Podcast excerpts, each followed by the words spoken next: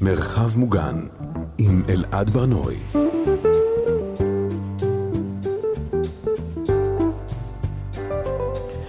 שלום, אתם על מרחב מוגן, אנחנו מדברים כאן על שגרה בימים בלתי שגרתיים. אני אלעד ברנועי, בכל פרק אני משוחח עם אה, מישהו או מישהי אחרת על היום-יום שלהם, והיום איתי באולפן העיתונאית חן ארציסרור. שלום חן. אהלן. חן, אה, איזה מין בן אדם של שגרה את? יש לך שגרה קבועה בדרך כלל? כן, אני ממש אוהבת uh, שגרה, ואז בתוך השגרה אפשר לשבור אותה, אבל uh, קשה לי כשמשנים את החוקים. במיוחד uh, בדברים שקשורים ל... לאן הולכים, מתי קמים, איך נראה השבוע. אמ, בואי נשים את זה אה, על השולחן, יש לך ילדים, נכון? אני כן, יש. לי מלא ילדים, סליחה. יש לי שלושה ילדים ועוד אחד בדרך, ובתוך המציאות הכאוטית הזאת, אני כאילו מחזיקה את עצמי ואומרת, מה חשבנו? אבל הם חמודים למזלם. זה בטח, מאוד מכתיב איך השגרה נראית, נכון? אני אגיד משהו דווקא לזכותנו כהורים, שכשנולדה בתנו הבכורה, שהיא בת 11 תכף, ממש נשבעתי לעצמי שהיא תצטרף לשגרה שלנו, ולא אנחנו נתאים את כל החיים שלנו אליה. ואיכשהו הדבר הזה עובד כבר 11 אה, שנה, וואו. אז ברור שיש בית ספר וחופש וכאלה, אבל עדיין of mind אה, אנחנו מאוד בונים את מה שמתאים לנו, והם איכשהו, הם יודעים להשתלב. כאילו, ילדים הם הרבה יותר עמידים ממה שחושבים. הם סטגלנים. תני לי דוגמה למשהו שבו כאילו הילדים צריכים להסתגל לשגרה שלכם. קודם כל אני אגיד שכשנולדים ילדים אז אה, תמיד יש את המחשבה הזאת שצריך להרגיל אותם לישון, ואז יהיה להם יום מסודר. אבל מה קורה כשלהורים שלהם אין יום מסודר? אני בן אדם של לילה, והבוקר זה כאילו גועל נפש. אז שהם יתאימו את עצמם אליי. אז כשהם היו קטנים זה היה נורא. יש לנו כלל בבית שעד שאבא ואימא לא קמים, אז אף אחד לא קם. אז לפעמים הם היו לומדים לישון עד 11, אם צריך. וגם, זה לא כזה דחוף לי שהם ילכו לישון בשמונה. אז עכשיו אני אגיד שבגלל המלחמה שינינו את השגרה, ועכשיו כולם בשמונה במיטות, כי אני כאילו יחידנית ובן הזוג שלי במילואים. אבל בדרך כלל, כל הסיפור הזה של להחזיק זמן של שינה וערות, שאצל הורים זה קודש הקודשים, אצלנו זאת הפקרות גמורה מבחירה. זה ממש נוח לנו. אמרת שאת בן אדם של לילה, זה אומר שנגיד עכשיו את משכיבה אותם בשמונה, את יושבת ועובדת? בדרך כלל כן. לרוב אני כותבת בלילה. אה, וגם אה, זה הזמן שבו אני חוזר, כאילו קצת חוזרת להיות בן אדם מבוגר, ואני יכולה לקרוא דברים, או להקשיב לפודקאסטים, או כאילו להיות צרכנית אה, מרצון, ולא רק בגלל שמישהו שם ברקע איזה נטפליקס ילדים. אם נחזור רגע ל, ל, לרגע הזה שבו, את יודעת, השגרה של כולנו באיזשהו אופן השתנתה, אה, זה היה בשבת. אה, את שומרת שבת, נכון? אה, איך הדבר הזה נראה? קודם כל, אני אגיד שהסוד הגלוי של שמחת תורה האחרונה, זה שרוב הדתיים שאני מכירה חיללו את השבת. אני אגיד שעבורי זאת הייתה פעם ראשונה מאז המרד שלי בגיל 16. אה, וזה היה אירוע מאוד מאוד מוזר. בתפקיד הקודם שלי בעיתון הייתי מנהלת של כתבי חדשות. מעולם הטלפון שלי לא היה פתוח בשבת. מבחינתי זה אפילו לא קשור לדתיות כל כך, כמו לאפשרות להתנתק. ובאותו בוקר היו אצלנו חברים מטבריה. הם אגב מעולם לא שמעו אזעקות. זה דבר מדהים, כי פעם אחרונה שהייתה אזעקה בטבריה זה היה בלבנון השנייה והם היו מפונים. והם ישנו בממ"ד שלנו, ופתאום כל המשפחה התפרצה אליהם לתוך המיטה, והם לא הבינו מה קורה. אנחנו אומרים, יש אזעקה, והם כאילו מסתכלים עלינו. ורק באזעקה השלישית או הרביעית אמרנו, אוקיי, זה לא איזה מחווה למלחמת יום כיפור, אולי קורה משהו יותר רציני, וכדאי שנפתח את הטלפון. ואני בהתחלה לא פתחתי אותו, אוהד כמילואימניק פתח אותו די מהר, ו, ופתאום הוא אומר, רגע, כאילו, יש מחבלים בשדרות, וגם כל פעם המוח שלנו, הוא לוקח את הגרסה הכי פחות גרועה של הסיפור. אוקיי, יש שם מחבל, בטח תכף יחסלו אותו. טוב, צנחן מחבל, בטח מישהו יירה בו. אבל אז יש רגע שבו הוא כבר אורז את התיק ו... והולך, ואני נשארת עם חברה שלי ועם מלא ילדים, חצי מהם לא שלי, ואני פותחת את הטלפון, וזה אירוע מאוד מוזר מבחינה כאילו, כאדם דתי, הלכתי, שזה לא רק בשביל שאולי הוא יתקשר או לא יודעת מה, זה אשכרה, אני מתעדכנת בתוך השבת, ויש איזו נקודה שאני ממש זוכרת אותה, של ארבע אחרי הצהריים כזה, שהכל נורא, הכל נורא, וממש מבינים, כאילו, יש איזו מחשבה ש... לא יודעת, אולי עוד שנייה יהיו גם פה מחבלים. זה ממש תחושה כן. איומה של חוסר אונים, וגם אין עוד מבוגר בבית. ואני אשכרה רואה את דני קושמרו בשבת בצהריים, והבת שלי מסתכלת עליי ואומרת לי, את יכולה לשים לי בית הבובות של גבי? ואני אומרת לה, לא, זה שבת. אז היא אומרת לי, אבל אמא, את בטלפון בשבת. ואני לא ידעתי איך להחזיק את זה בכלל, כאילו, מה אני בכלל אומרת לה. וזה היה באמת מזעזע, ואני יכולה להגיד לך שאחד הדברים שאני הכי איבדתי במלחמה, והם הכי עצובים לי, זה השבת.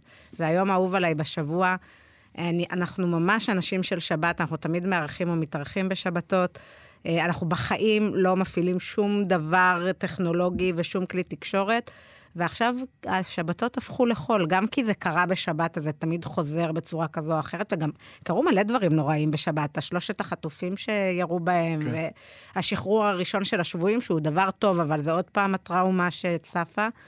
וגם כי אנחנו לבד בשבת כבר הרבה מאוד זמן, וזה לא משנה כמה נתארח וכמה יעטפו אותנו, בסוף זה שאבא חסר בשולחן, זה דבר מאוד מאוד דרמטי. שבת זה, זה, זה מין אה, מקיים שגרה לדתיים באופן כללי, נכון? אני זוכר, אה, כשאני שמרתי שבת, זה אולי הדבר שאני הכי מתגעגע אליו בלהיות דתי, זה שכל השבוע יכול להיות כאוטי, וזה לא משנה, כי עוד רגע, יש איזו שנייה שאת יודעת בדיוק, הדבר הזה מתחיל, ויש שקט, ואפשר להירגע.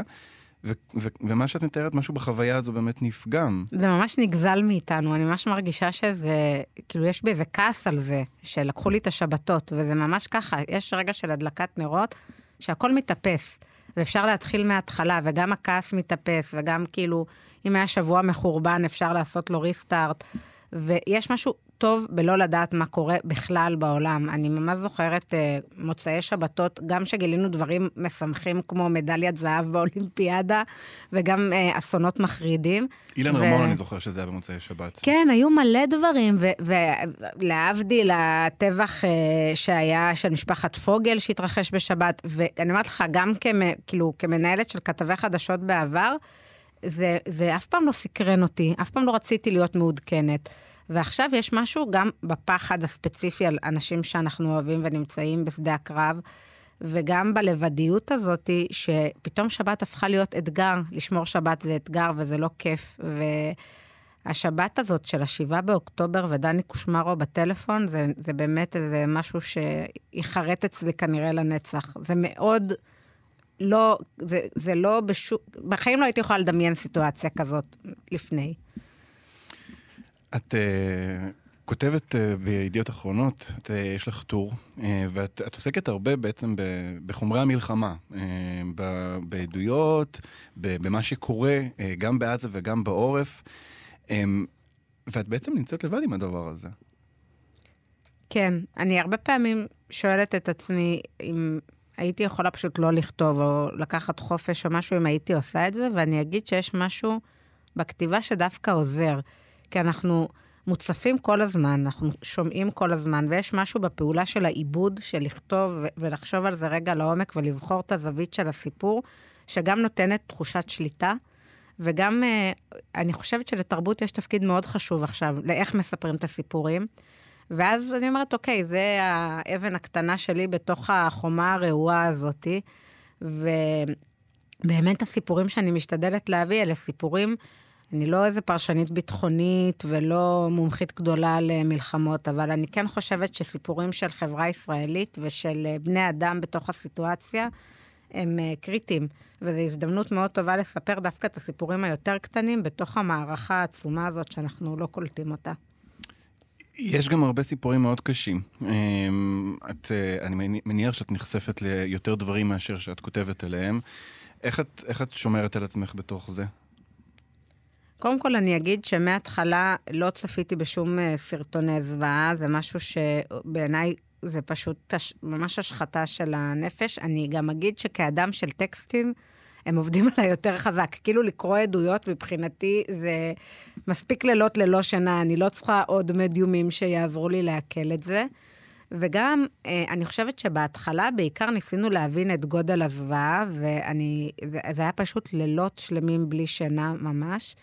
ועכשיו דווקא אני מרגישה שמאה ימים אחרי, זה בעיקר להסתכל לאנשים האלה בעיניים ולא להכחיש את, כאילו, לא להכחיש את הקיום שלהם. אני חושבת בעיקר, בעיקר על השבויים והשבויות, שאנחנו לא באמת מוכנים להבין מה קורה שם, כי אז אנחנו לא נוכל לסבול יום אחד בצורה נורמלית, וכולנו נצטרך לעמוד ברחוב ולצרוח. ואני אומרת, אולי זה מה שאנחנו צריכים לעשות. כאילו, אתמול אה, ראיתי את אה, אימא של אה, תמר קדם סימן טוב פוגשת את גלנט, ומרוב כעס ואימה ופחד ו- ו- ושבר, לא יוצא לה קול מהפה, בכלל. היא לוחשת כשהיא מדברת איתו וזועמת. ואני אומרת לך שככה נראים הסיוטים שלי. כאילו, כשאני באמת מפחדת, אז אין לי קול. ופתאום ההבנה הזאת היא שאנחנו חייבים להיות הקול שלהם. הם, כאילו, מי יצעק אם לא אנחנו? אז כן, אז צריך לקרוא וצריך לדעת, צריך לראות את התמונות בצורה כזו או אחרת. בטח על מישהו עוד חי ואפשר להציל אותו. יש לך אבל איזושהי דרך שבה את מצליחה לשמור על עצמך בדבר הזה? כי, כי זה בכל זאת, זה, זה חומרים באמת קשים. כן, אני אגיד שקודם כל, הדבר הזה זה הכל, זה גם החשיפה לחומרים, זה גם להחזיק בית בצורה שפויה, וגם לא להתחרפן מדאגה אה, באמת אה, למי שנמצא בשדה הקרב. והדרך שלי היא קודם כל הומור, אני חושבת שזה קריטי. אני זוכרת מתי הייתה הפעם הראשונה שצחקתי באמת מכל הלב, זה היה בסיפור של רחל והעוגיות. כן. וזה היה סיפור כל כך, מצד אחד כל כך ישראלי ולא מפתיע בכלל, ומצד שני סוריאליסטי. ובאמת, כאילו, שלחו לנו אותה משמיים כדי שתהיה לנו סיבה לצחוק. ממש מכל הלב, והיה מלא ממים על זה, ופתאום בני אדם חזרו להתנהג כמו שאנשים מתנהגים, שהם עושים שטויות והם קצת מטרילים. וגם אה, אחר כך אנחנו יכולים להיות חשופים לדברים נוראיים ממש, ושנייה אחר כך לשמוע איזו התבטאות מפגרת או תמונה מצחיקה, ואני ממש בעד להתמסר לזה, ולא להגיד, זה לא נעים, זה לא מתאים עכשיו. בדיוק איזה חבר כנסת שלח לי ציוץ אה, ממש מצחיק. הוא אמר לי, זה יום נורא עצוב, מתו בו הרבה חיילים, אז לא היה לי נעים אה, לפרסם. ורציתי להגיד, אה, על אחת כמה וכמה, זה הזמן, כאילו, אין לנו ברירה אלא לשמור על חוש ההומור שלנו, וביום שזה ילך לאיבוד הלך עלינו. וגם אני אגיד שזה בעיניי הזמן של מערכות יחסים. ככל שאנחנו יותר צרכנים פסיביים, שצופים או קוראים ולא פוגשים בני אדם אמיתיים בתלת מימד, אז החרדה גוברת. אבל כשפוגשים חברים, כשפוגשים אה, אפילו לא החברים הכי טובים, שכנים, יוצאים מהבית, זה משפר דרמטית את איכות החיים. אני זוכרת שבשבועיים הראשונים ל... לילדים שלי לא הייתה מסגרת כמעט חודש, כי אנחנו אה, בתוך ה-40 קילומטר, בתקופה של האזעקות. ובשבועיים הראשונים לא יצאתי מהבית בכלל. או. עבדתי מהבית והייתי איתם בבית, והמקסימום זה שיצאתי לקנות לחמניות, כי אפילו את הסופר עשיתי עם שליח. ואז אה, חברה טובה אמרה לי, מחר את יוצאת מהבית, אני שולחת לך בייביסיטר, אנחנו קובעות בבית קפה, כי את פשוט תאבדי צלם אנוש. אנחנו כאילו אימצנו את הכללים של הקורונה. כן. כאילו עכשיו יש ריחוק חברתי, וזה בדיוק, זה עיוות מטורף. ופתאום כשיוצאים ורואים שהשמש זורחת ואנשים יכולים לעבוד, אה, ויש בזה משהו מרפא. ועכשיו אני ממש מבינה גם למה הסופי שבוע הם כל כך קשים. כי העבודה היא חשובה, לנהוג זה חשוב, לעמוד בפקק, לקלל זה חשוב. צריך לחזור לזה. כאילו כל, ה, כל העוגנים האלה של שגרה שהם גם, האמת שהם גם זמן עם עצמנו באיזשהו מקום. לגמרי, לגמרי, וזה גם זמן שבו עושים, אה, כולם אומרים, הכל השתנה, הקונספציה, אבל בעצם יש הרבה דברים לא השתנו, וצריך להחזיק אותם, ויש דברים שאנחנו יודעים לעשות, וידענו לעשות לפני השביעי באוקטובר, ואני בעד לעשות אותם יותר. את מה שאנחנו אוהבים ואת מה שאנחנו טובים בו, וזה נותן רגע של שפיות. ברור שהשתננו במידה כזו או אחרת, אבל גם תמיד ההצהרות האלה של ההתפכחות, זה איזושהי תקווה שמישהו יתפכח לצד שלי, ולא לא באמת. כן, באיזשהו, באיזושהי דרך מוזרה שכנראה קורית במלחמות, כאילו נדחקת, אמרת מקודם, אה, להיות יחידנית, אה, בן הזוג שלך אה, במילואים, את עם ילדים, את בהיריון, את, את צריכה לבשל, לנקות. איך את מרגישה בתוך העמדה הזאת שנדחקת אליה? אני אגיד שכל פעם שקוראים לנש... לנשות המילואים, מה שנקרא, לביאות, בזכות נשים צדקניות נגאלו ישראל, כל, כל הסופרלטיבים האלה עושים לי חררה. עכשיו, גם יש עכשיו uh, טרנד של AI, שהוא תמיד היה מחריד במלחמה, הוא פשוט הידרדר למקומות זוועתיים שאין כדוגמתם, ואז כשהדבר הזה משתלב, כבר שלחו לי את הדברים הכי, הכי קשוחים, כאילו, לביאה שמחזיקה על הראש שלה את כדור הארץ, ועליו יש חייל, ואנשים שולחים את זה ברצינות, וזה מחזק בעיניהם, וכל מיני שירים גרועים שנגמרים בחרוזים של י' ומ' או ו' ות', של סטייל נועם חורב, גרסת המורה, על כמה נשים הן גיבורות. זה ממש, כאילו, אני אומרת את זה גם כאישה פמיניסטית וגם כאדם שטיפה מעריך תרבות טובה, זה רק מעצבן. כי קודם כל לא בחרנו בזה. ודבר שני, אה, המחיר שמשלמים, גם מי שבשדה הקרב וגם מי שבבית, הוא פסיכי. הוא פסיכי, וגם אי אפשר באמת, לא משנה כמה מענקים יינתנו, וגם על זה אפשר לדבר, בסוף זה פוגע בדברים הרבה יותר אינטימיים. של, אה, שוב, של מערכות יחסים, של הורים וילדים, של איך בכלל... אה, כל ביקור הופך להיות מין ביקור הנשיא כזה, כי אם הוא חוזר ל-24 שעות, אז אנחנו חייבים להיות במיטבנו, וברור שאנחנו צריכים להיות המרחב הכי מוגן בשבילו. אבל רגע, איפה... עכשיו הבן שלי חולה, והוא עם אינהלציות ועם תרופות וזה, וכל האופרציה הזאת מהקופת חולים מונחת על אה, שולחן קטן ליד מיטתו של אוהד. והילדים אומרים לי, למה את לא מחזירה את זה למקום? אני אומרת, זאת אנדרטה לכבוד אבא. כשהוא יחזור, הוא יראה מה עברנו פה. ואתם מוכנים, גם כל ספרי הילדים הכי גרועים, שאף אחד מאיתנו לא מוכן להקריא, כי זה פשוט סיוט, אז הם גם מונחים שם. כאילו, כל הדברים ש... זה, אני, אני יודעת מה, מה קורה פחות או יותר בח'אן יונס, מדווחים על זה בחדשות, אבל לספר ילדים הנורא שהבת שלי מכריחה אותי לקרוא כל ערב, אף אחד לא מדווח. ומצד שני אני אגיד ש... יש משהו מאוד מוזר בלהיות בהיריון ולייצר חיים בזמן של מלחמה ומוות, וזאת חוויה גם קשה, אבל גם מאוד מעוררת מחשבה על מה נלחמים. כלומר, אם זה, זה משהו ספרטני כזה, של יחד נכסח וכל הדבר הזה, והתרגשות מפיצוצים והרס, או שבסוף יש דבר כזה שנקרא קדושת החיים, ובשבילו, אני יודעת שהבן זוג שלי יצא לקרב, ואני חושבת שזה הסיפור שאנחנו חייבים לספר גם כאנשי תרבות. אה, ממש, ואתה יודע, נפלו כל כך הרבה חיילים שהם אומנים, צלמים, זמרים, אה, כותבים, תלמידי חכמים, חוקרים, וכל אחד מהם, כל עולם כזה מאוד מדגיש את השאלה שלה לשם מה, ואיזה סוג חברה נהיה בקצה בסוף. זה מעניין שאת uh, מצליחה להחזיק את הדבר הזה, את המחשבה הזאת, שהיא מחשבה uh, כמעט מופשטת ו- וכזאת מין הוליסטית, כששגרת הריון זה דבר כל כך תובעני, עם גידול ילדים וכל הדבר הזה. כלומר, uh, יש משהו בשגרה הזו שהוא... הוא, הוא, מעולם לא הייתי בהיריון, כנראה גם לא אהיה, אבל אני, אני, מכיר את ה, את ה, אני מכיר כמה הדבר הזה הוא קשה וכמה הוא תובעני. Um, זה, זה משהו שאת מצליחה באמת ביום-יום להגיד לעצמך, אני עכשיו מייצרת חיים, או שזה פשוט הרגשה שיש? רוב הזמן אני, אני, אני סתם מתלוננת, אוקיי? כי כואב לי, כי אני לא מגיעה לפרוחים, כאילו דברים הכי פשוטים, כן?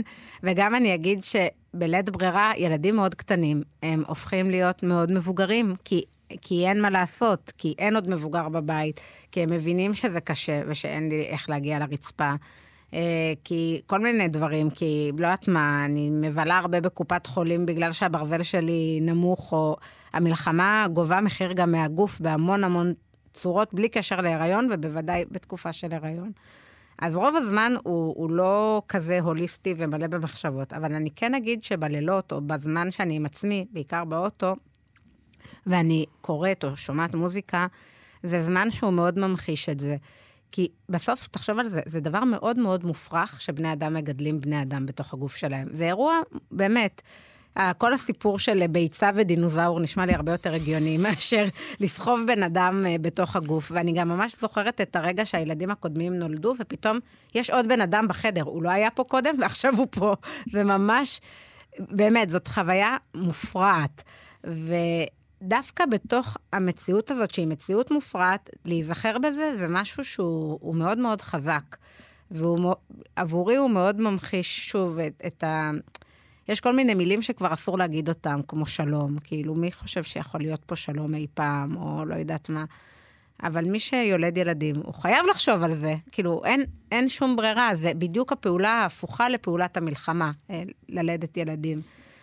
ואפשר לדבר הרבה על מה היה קורה אם נשים אולי היו יותר בעמדות מפתח באופן כללי, אבל אני חושבת שזה גם חלק ממה שקצת אה, מפחיד בנשיות, היכולת הזאת לייצר חיים. איך את ישנה בלילה? רע. אמ, בהתחלה זה פשוט היה בלתי נסבל. גם הפחד וגם הסיפורים, הם כל הזמן היו צפים, בעיקר בלילות, ולא היה לנו באמת דרך לקלוט את גודל האסון של השביעי באוקטובר, אז אנחנו צרכנו את זה לאט-לאט. אה, ועכשיו יש את ההותר לפרסום הזה של שש בבוקר, שזה פשוט טקס מזעזע, אבל הוא אשכרה גורם לגוף להתעורר בחמש, לא משנה מה, לא משנה מתי הולכים לישון.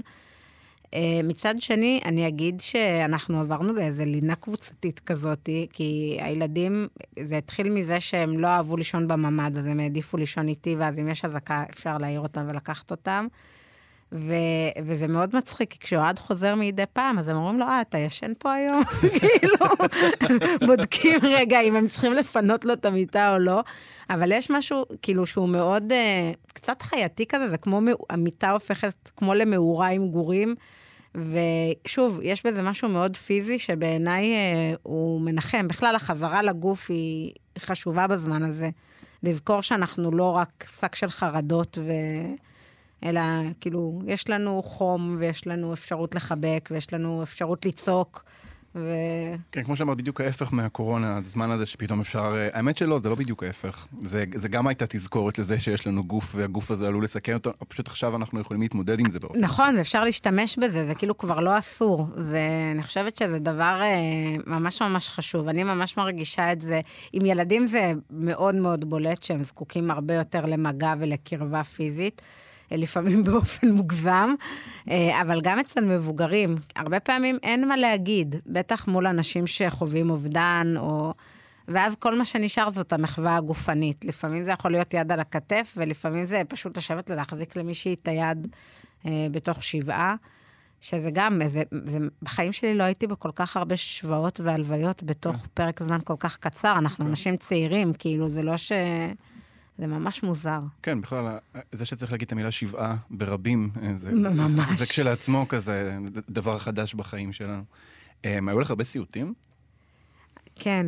אני ממש בן אדם שחולם, וזה גם תמיד חלומות כאלה מוגזמים. ואני אגיד שזה לא סיוטים של זוועות, אלא סיוטים הרבה יותר, אה, כאילו, של, ש, לא יודעת מה, בן אדם שהולך לאיבוד ולא מוצאים אותו. או מישהו ש, שהוא פשוט לא עונה. עכשיו, ה, ה, הסימבוליות היא כל כך פשטנית ומביכה, אין פה שום דבר מורכב, אבל זה פשוט, יש בזה משהו ממש מבעית, אה, ממש. ו... ואני חושבת...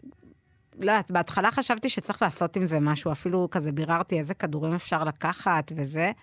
ואז הבנתי שזה לא באמת טוב לי, ושיש משהו בלאבד את זה בלילה שאולי הוא עדיף מאשר אה, פשוט להדחיק את זה באיזשהו אופן. יש משהו בחלומות שהוא קצת מזכיר את מה שאמרת על ה-AI, um, בפרימיטיביות של זה, זה כל כך, את יודעת, הדימויים כל כך כל כך כאילו פרימיטיביים, וזה כזה, כן, אני מבין, אני מבין מה, מה אתה מנסה להגיד לי, תת מודע. אתה בטח מכיר את זה, גם שכשאתה בתוך חלום, יש נקודה שאתה על סף ערות, ואתה מרגיש שאתה יכול לשלוט בו קצת, ואז באמת זה כזה, זה מה שזימנתם לי, זה לא, זה כאילו, זה לא לרמה שלי, אבל... הריון מביא איתו אה, סוג אחר של חלומות, בלי, קשר לעכשיו. אה, את, את זוכרת איזה מין אה, סוגים של חלומות? קודם כל, אני אגיד שתמיד לקראת לידה יש לי חלומות הזויים, כאילו, ממש. שילדתי חתול, שילדתי ילד שלא יודעת איפה הוא נמצא, כל מיני דברים כאלה. ודווקא עכשיו, אני בכלל לא חולמת על הלידה בכלל, ולדעתי זה נטו הדחקה, כי אני כבר באמצע חודש תשיעי. אני פשוט לא יכולה לדמיין מציאות שבו בה אני כאילו אלד ואנחנו לא נהיה כולנו בבית. ואפילו אמרתי לבן זוג שלי, טוב, אני אמנם באמצע תשיעי, אבל אם צריך אני אמשוך עד פסח, רק תחזור הביתה, כאילו. ובעיניי זה דווקא סימן, כי כשהגוף יותר משוחרר ויותר כאילו מוכן לקבל את המציאות, אז חולמים, ואפשר לאבד את מה שקורה. אבל כשהכול כל כך קפוץ ובהכחשה ובפחד, אז, אז אי אפשר באמת לעשות את העיבוד הזה.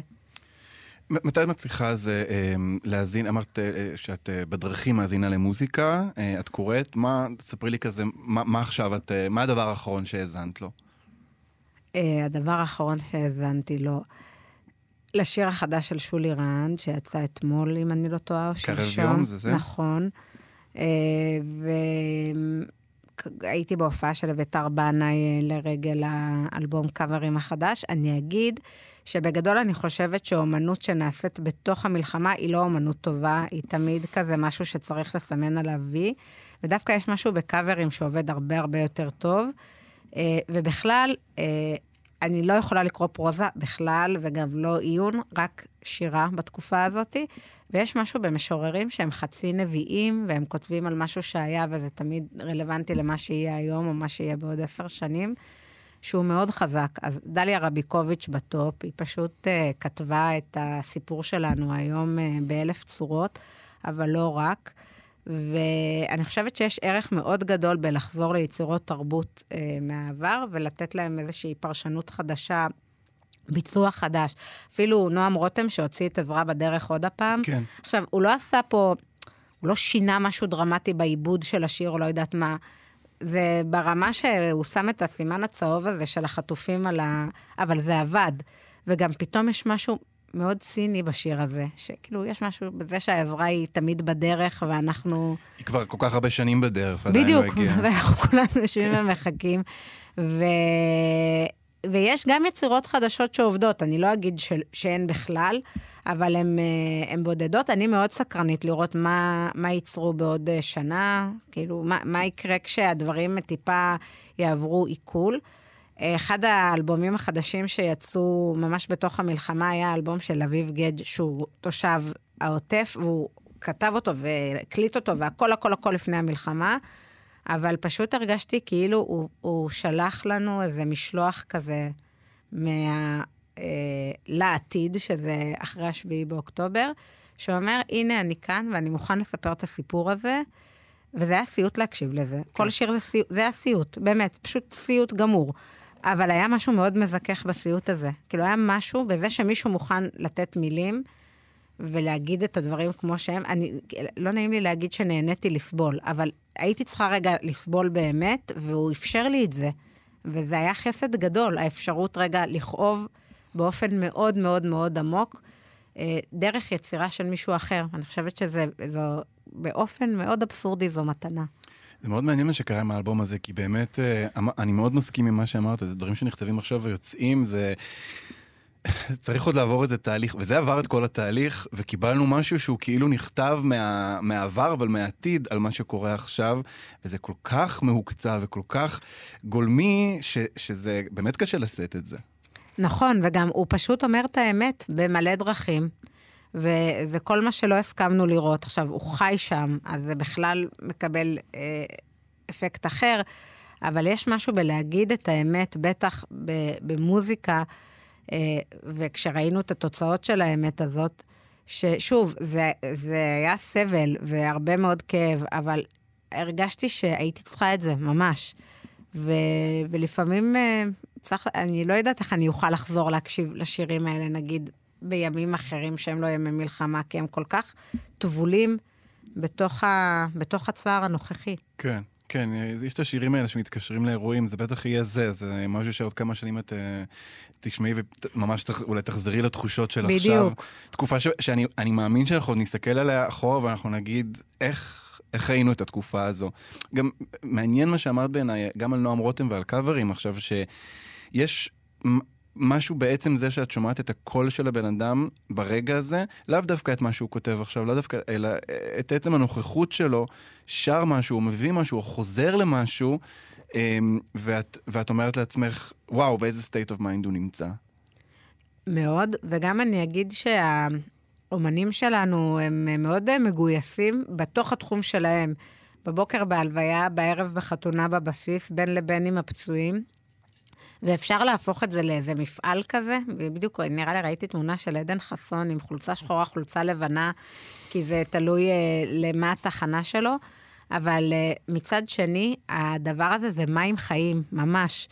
ואני לא אשכח שהייתה הלוויה של חייל, שמי ששר שם היה קובי עוז, ועכשיו אין שום שיר של טיפקס שמתאים להלוויות.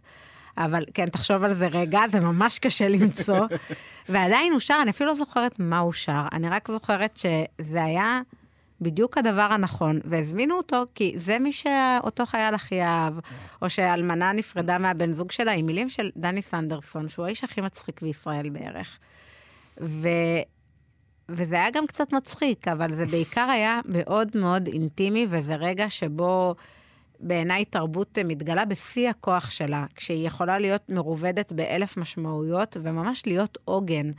אה, ובתוך אה, מציאות אה, מאוד אכזרית וגם של שיח מטומטם וערל לב של, של פוליטיקאים או של מנהיגות, אני חושבת שתרבות זה הדרך הכי משמעותית, אה, כאילו לייצר איזשהו שינוי תת-קרקעי עמוק. כן, להרגיש, להעניק, את מדברת, את אמרת לדני סנדרסון והקובץ, העיניים שלי התמלאו בדמעות רק מלדמיין מה זה יכול להיות, אמ, אבל באמת יש משהו ב... בתרבות ברגע הזה שנורא מתברר הצורך בו, כאילו זה... יש לי בראש את האדם מחפש משמעות של ויקטור פרנקל, כאילו זה, זה, את יודעת, כולנו עכשיו מחפשים את המשמעות הזאת. אנחנו לא, אנחנו לא נקבל אותה ברשת איקס, טוויטר לשעבר, אנחנו נקבל אותה בדיוק במוזיקה, בדיוק בספרות. ממש. וגם תרבות זה באמת הרגע שבמקור האדם עובד את האדמה ומצליח להוציא ממנה פרי. כלומר, הוא, הוא מתאמץ על משהו שהוא חייתי, טבעי, והוא מצליח לגרום לו להניב אה, פירות, או לגדל חיטה, או לא יודעת מה, אני מאוד חושבת על זה בהקשרים של החקלאים, של כל הדימוי הזה של העוטף כמרחב שהוא חצי טוסקנה, ופתאום הוא... הוא ממש ממש נחרב, ואחרי רגע של אכזריות כל כך בלתי נתפסת, זה נראה לי שההאחזות בתרבות זה האחזות באנושיות. זה ממש האחזות בצלם אלוהים. ואני, עבורי זה קרש הצלה, והלוואי שהיה לזה יותר מקום, שבמקום אלף דיווחים ואלף פרשנויות, היו נותנים עוד שיר או המלצה על עוד ספר או כל דבר אחר. הזכרת את אלוהים. אמ, את, אה, את משוחחת איתו בתקופה הזאת? זה קשה. אני אגיד שבגדול אני אדם מתפלל, ואני ממש סובלת בבית כנסת עכשיו, כאילו בכל מה שקשור לתפילות. זה, הכל נראה לי פתאום, כל המילים נראות ריקות, גם, לא יודעת. אה, זה מאוד קשה, אבל אני אגיד, סבתא שלי נפטרה לפני שנה וחודש בערך, והיא לא ידעה לקרוא ולכתוב, אבל היא הייתה המתפללת המצטיינת, והיו לה תמיד מלא נרות דולקים, כי תמיד או שמישהו מת וצריך להדליק לו נר, או שלמישהו יש מבחן, או שהיא צריכה ללדת, ו... והיו לה את התפילות הכי פשוטות והכי יפות בעולם, וכשהיא נפטרה, אמר, כאילו, אז הדלקתי נר, והנר הזה דלק אצלנו כל השנה בעצם, והיה משהו מאוד מוזר בלעשות פעולה שאישה בת 96 עשתה רוב החיים שלה, לכבודה. ולמדתי להתפלל מול הנר נשמה המאוד מכוער הזה שניצב במטבח. ואז התחילה המלחמה, וזה היה כבר קרוב למועד השנה, ופתאום הנר הזה הוא כבר לא הנר שלה, אלא נר אה, לרפואה ולהגנה, והוא מחזיק תפילות הרבה הרבה הרבה יותר גדולות מאשר ה... אה, הרגע הזה לזכר אה, סבתא שושנה. ואז הגיע יום השנה, ועל פניו אפשר לכבות את הנר, ו- וזהו. כאילו, אפשר להיפרד מהטקס ההזוי הזה, במסגרתו אני קונה במקסטוק 30 נרות של שבוע. ו... אני פתאום חושב על זה שאולי המאזינים והמאזינות לא מכירים את זה, שבן אדם נפטר ואז משאירים נר דולק לזכרו כל השנה, כל השנה. שנה שלמה. כן. אנשים בהלם מזה, הם נכנסים אליי הביתה, הם לא מבינים מה קורה, והם גם אומרים לי, מה, את יוצאת מהבית ויש נר דלוק? הוא ישרוף את הבית. ואני אומרת להם, הוא לא ישרוף את הבית, זה נר, נר נשמה. נר נשמה לא שורף את הבית. בדיוק, זה ממש כלל בסיסי. כולם כאילו, יודעים את זה. בדיוק. זה, זה ממש כלל בסיסי, זה ברור שהוא לא ישרוף את הבית.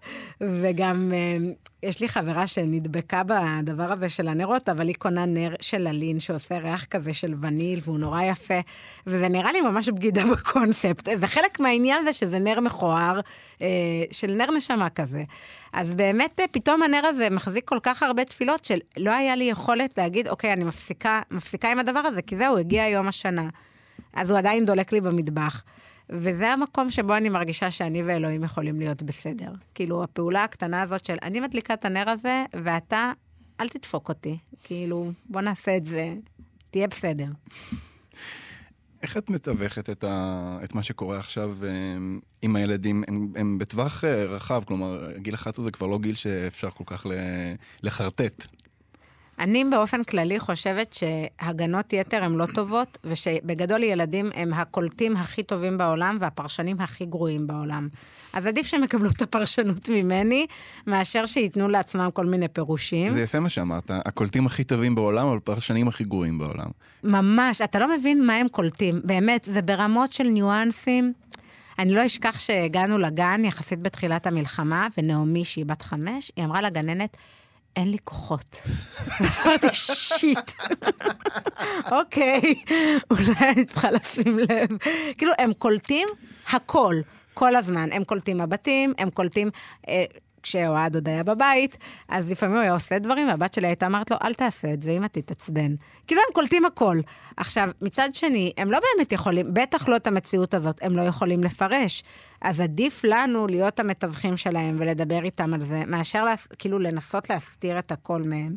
אני לא אשכח שבאותה פעם שיצאתי מהבית, אה, אחרי איזה, זה היה כמעט שלושה שבועות, שמתי את הילדים אה, בנתניה אצל אחותי, והמשכתי להלוויה לצערי, ואז הייתה פעם ראשונה שבעצם הגענו לתל אביב עם האוטו.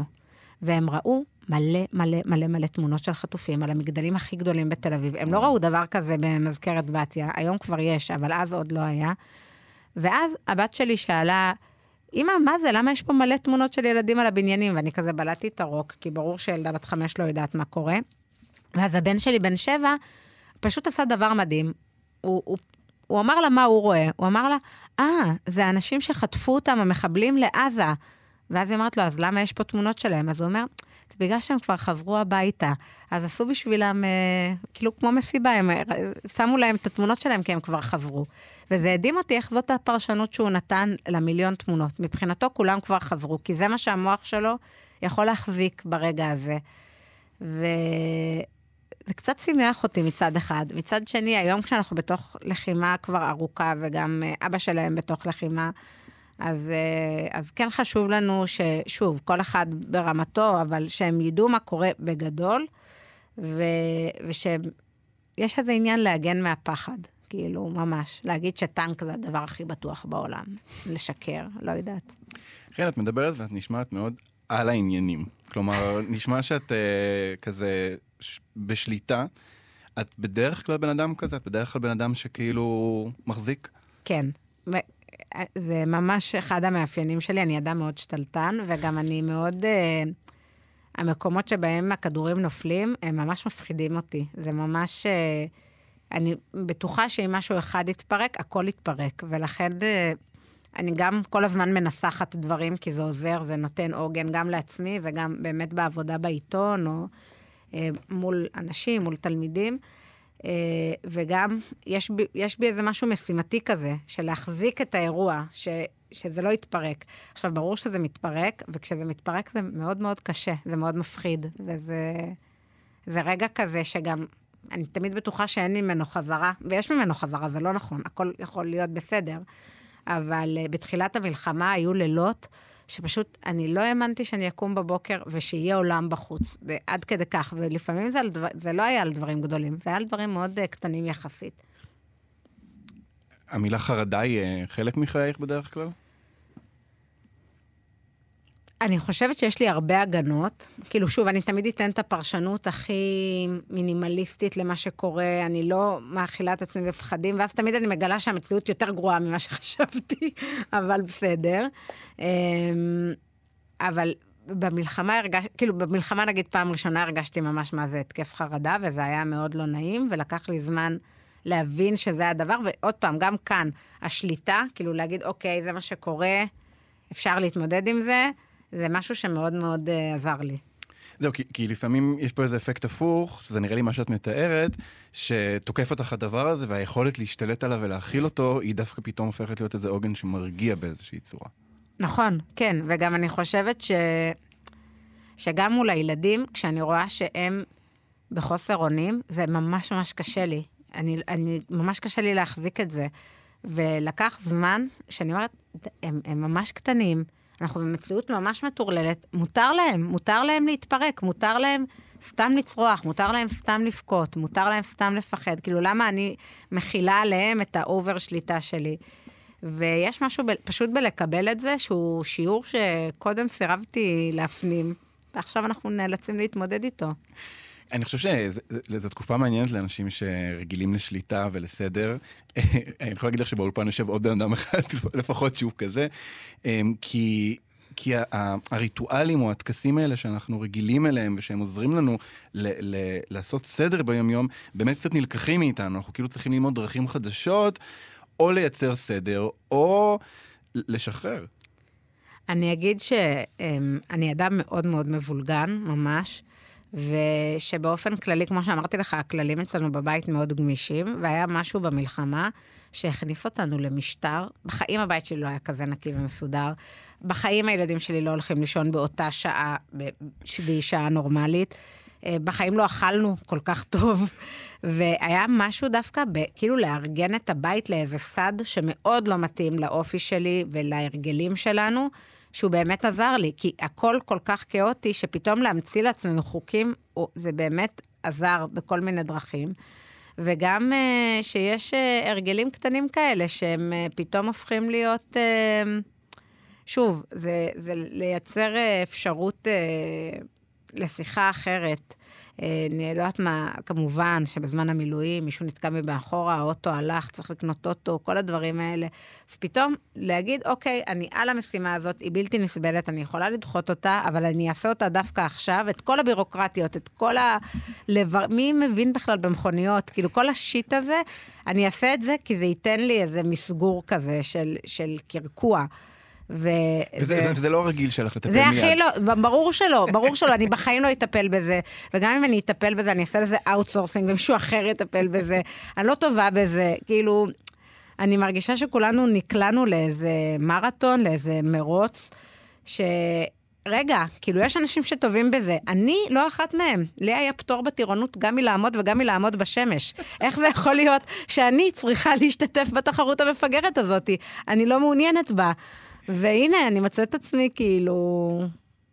מחכה לעזרה בדרך, ורצה, לא יודעת לאן, לא יודעת איפה בכלל זה מסתיים, זה גם חלק מהסיפור. יש משהו מה, מההרגילים האלה שסיגלת, אה, שאת חושבת שתשמרי אה, אחרי? אני כל הזמן צוחקת על זה שברור שאחרי אנחנו נמשיך אה, לשמור על הבית כמו שהוא וזה, אבל זה ברור קודם כל שזה עובד, כי כרגע זה דיקטטורה, וברגע שיהיה עוד מבוגר בבית זה כבר uh, יהיה יותר קשוח. וגם שביום ש... שאני אשחרר, אז אני אדע שהתחלנו להחלים. כאילו, כשנחזור קצת ל... להיות סתם אנשים שזורקים את הנעליים והגרביים באמצע הסלון, אז, uh, אז אולי התחלנו להיות יותר בסדר. Uh, זה כמו לחזור לבשל בסירים גדולים. עכשיו כזה הכל קטן ועושים את מה שמהר. ולא אוכל מושקע, וגם כולם כל הזמן שולחים פיצה והמבורגר, וכאילו אוכל לא טעים בכלל. ויש משהו ב- בלהכין אוכל מושקע, שעובדים עליו, שהוא בסירים גדולים. אני ממש מתגעגעת לזה, ואני כאילו מקווה שזה עוד יקרה לנו בקרוב, שאנחנו לא... אנחנו לקראת סיום, חן. אני, אה, אני בדרך כלל שואל כאן אה, מה, מה הדבר שאת הכי מחכה לו. אז אני, אני רגע אניח אה, כמה דברים שאני חושב שאת מחכה להם, וזה שאוהד יחזור בשלום, ושהלידה תעבור בשלום. איזה עוד דבר את, את מחכה שיבוא? זה מצחיק שאמרת שהוא יחזור בשלום, שהלידה תעבור בשלום, שהחטופים יחזרו הביתה לשלום, כי אני, באמת, אני מאוד עסוקה במילה הזאת. שלום. אגב, אחד מהשמות של אלוהים, וזה תמיד מאוד עצוב לי, שהיא מילה כל כך מבוזה. כאילו, כשהייתי קטנה ואמרו על מישהו שהוא יפה נפש, זו הייתה קללה. כן. ואף פעם לא הבנתי את זה. כאילו, יש לו נפש יפה, איך זה יכול להיות שזה משהו רע להגיד על בן אדם? ונראה לי שהדבר שאני הכי הכי מצפה באמת בעומק, וזה היה לפני השביעי באוקטובר, עוד כשהיינו בתוך. השבר הנורא סביב החקיקה והמחאות, זה היכולת של אנשים באמת לפעול באופן עמוק בחיים הקטנים שלהם, וגם במדיניות, בחיים הגדולים שלהם, למען שלום. עכשיו, זאת מטרה כמעט נאיבית, וצוחקים על זה, אבל זה נראה לי ממש מוזר. אנשים דתיים, בכל תפילה, מתפללים אלף פעם לשלום, באמת, כל הזמן.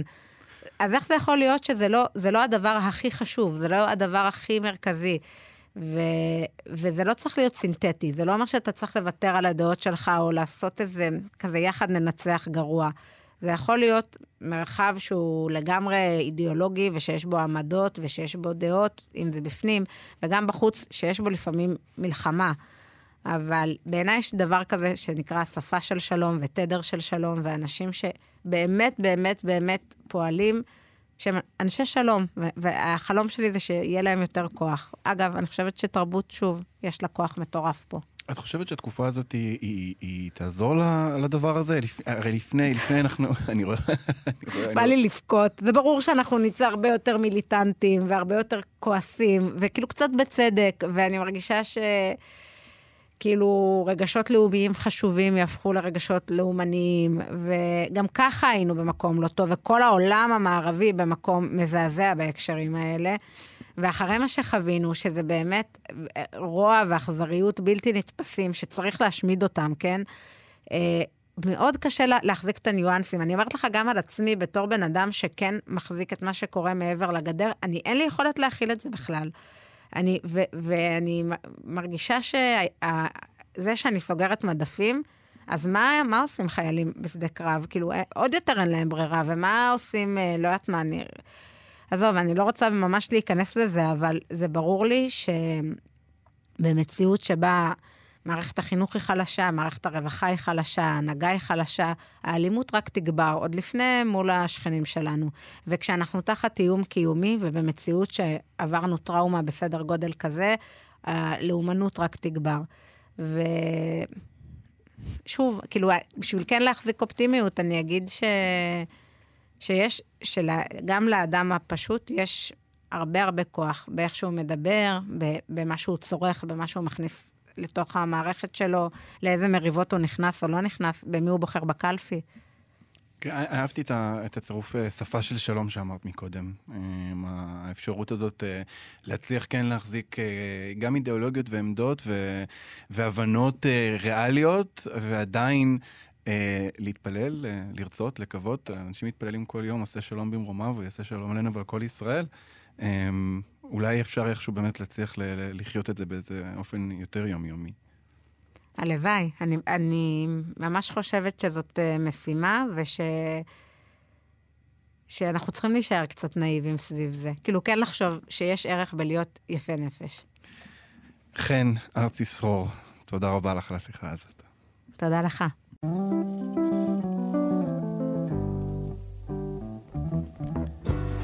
וזהו, עד כאן מרחב מוגן להיום. כל פרקי ההסכת זמינים באתר וביישומון כאן, ובכל מקום שבו אתם מאזינים לפודקאסטים. תודה לטל ניסן על ההפקה, תודה לטכנאי משה מושקוביץ, אני אלעד ברנוי, להתראות. thank you